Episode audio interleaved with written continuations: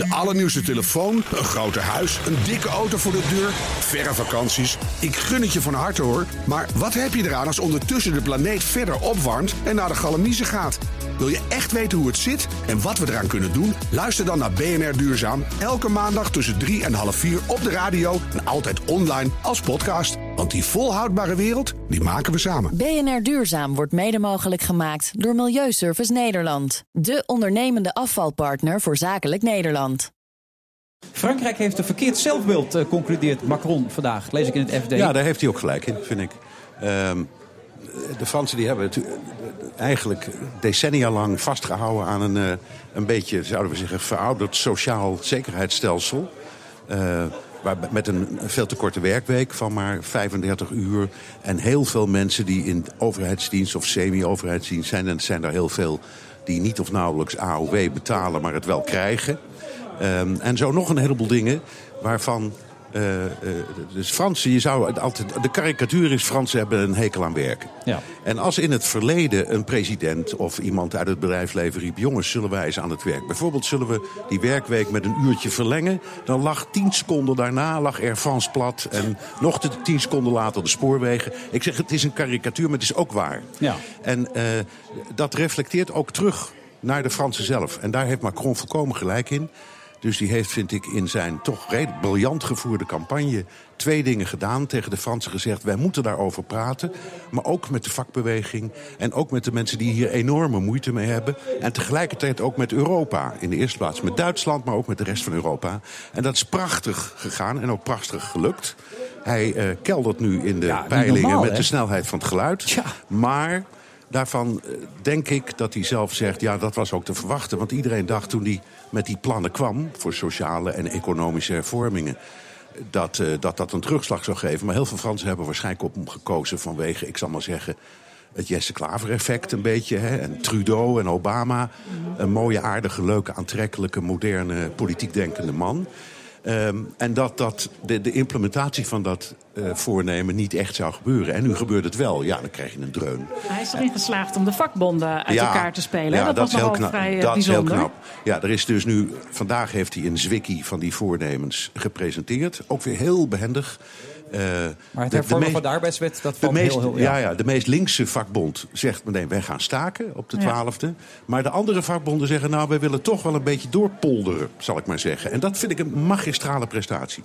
En het gaat ook niet, hij pakt dus niet meteen die 35 uur werkweek aan. En ook niet de veel te lange vakanties. En ook niet die rare pensioenregelingen.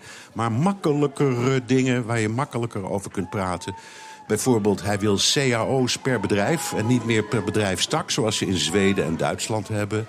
En hij wil een soort kantonrechtersregel invoeren in het bedrijfsleven. Hè, met, met, met, en met de flexwet, zo die, die op de onze lijkt. Maar, vind ik ook wel slim, dat wil hij dan aanpassen per bedrijfstak. Sommige be- bedrijven die kunnen met veel kortlopende contracten en andere met langere.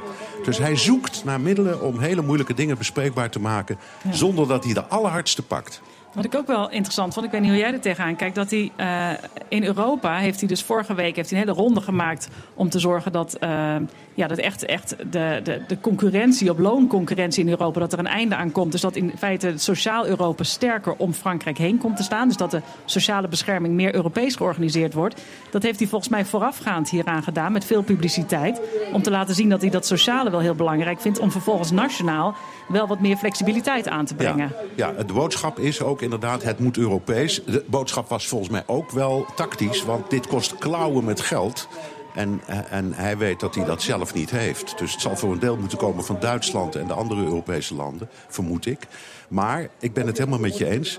Uh, het knappe van deze tactiek is dat hij het allermoeilijkste aanpakt wat je in Frankrijk hebt. Namelijk de arbeidsmoraal, zal ik maar zeggen. Die is nog, zoals wij hadden aan het begin van het ontstaan van de sociaal-democratische beweging. Maar dit is allemaal achterhaald. Millennials denken helemaal niet zo. En hij voelt zich een millennial, dus hij vertaalt die slag naar het gevoel voor vrijer kunnen ondernemen, wat minder regels, zonder dat hij meteen die hele staat onderuit haalt. Dus ik, denk, ik vind dat hij het briljant aanpakt. En ik echt vind het, uh, voor mij is hij de politicus van de week hoor. Echt. Ja, maar die dalende populariteit, dat maakt ook niet uit ik dan denk meer. dat het hem niet uitmaakt. Uh, ja, het is voor niemand leuk. Hij heeft natuurlijk ook stommiteiten gedaan. Hij is in het openbaar ruzie gaan maken met de bevelhebber van strijdkrachten. Ja, en hij heeft een visagist in dienst, las ik ook. Daar was heel boos over zijn. Ja, ja, een visagist voor 26, 27.000 euro Ja, in de wat eerste doen drie die lui maanden. dan altijd, vraag ik me af. Ja, eh, zijn gezicht opschilderen als er een eh, foto eh, wordt gemaakt. En zijn haartjes bijschilderen en weet ik wat allemaal. Eh Hollande had er ook een die net zoveel kostte. En veel minder haar had. En veel minder Ja, haar had. eigen Ja, nee, maar dan weten we dat. Ik weet uit eigen ervaring dat het probleem dan groter wordt. Maar goed, dat, is, dus, dus dat was niet handig. Die ruzie maken met die eh, eh, generaal was ook niet handig. Die ze, hij zei plotseling, zei Macron, de be- defensiebegroting, daar gaat, daar gaat meer dan 800 miljoen af. En die generaal die zei, die zei letterlijk tegen een parlementscommissie... letterlijk, ik laat mij niet verneuken. Het gevolg was ontslag op staande voet door de president. Ehm, en eh, dat mag hij ook, want eh, de president is net als in Amerika... de opperbevelhebber van de strijdkrachten, dus hij kan dat doen. Maar dit kwam allemaal in de openbaarheid. Dat is niet handig en dat, ook dat heeft invloed gehad op die populariteit. Maar hoe eerlijk kan je zijn dan daarin? Want zeg- ik, ik, ik lees dat, dat FD van vandaag, waarin hier ook roept... eh, het beroemde devies van deze republiek, van onze republiek... vrijheid, gelijkheid en broederschap, komt eigenlijk helemaal in de praktijk niet meer voor. Nee, we nou, nou, pakken het helemaal verkeerd aan. Ja, dat maar zijn dat is ook zo. Jawel, maar dat is ook zo. Omdat je kunt zeggen, ze hebben natuurlijk een enorm probleem in gelijkheid, ongelijkheid. Je hebt enorme problemen met minderheden. Voor de zwakken, zegt hij. Ja, kolossaal. En dat, dat vond ik ook tijdens de verkiezingen. Was Macron, je weet, die banlieues, die buitensteden Ja. van Parijs... Daar, daar komt eigenlijk niemand die stemmen. Hij, was, hij heeft stemmen weggehaald in, in Saint-Denis. En dat, dat, dat is dus eigenlijk het hartgebied van... laten we maar gewoon zeggen wat het is... De, de allochtonen, die Ja. normaal helemaal niet mee willen doen of zich verzetten. Daar heeft hij ook een deel. In, in, in Marseille. Maar jouw conclusie is, want de, de Dus- mensen van Percossa staan ook Ja, waar. ja, nee, jouw, dat jouw conclusie is dat je zegt, hij doet het hartstikke goed. Hij doet het Politicus goed. van de week. En, eh, Politicus van de week, omdat hij krijgen. omarmt ook de zwakkeren op een hele duidelijke manier. Op een toch, zou ik maar zeggen, zeer liberale manier. Dat vind ik heel knap, dat kan bijna niemand. De allernieuwste telefoon, een groter huis, een dikke auto voor de deur, verre vakanties. Ik gun het je van harte hoor. Maar wat heb je eraan als ondertussen de planeet verder opwarmt en naar de galamiezen gaat?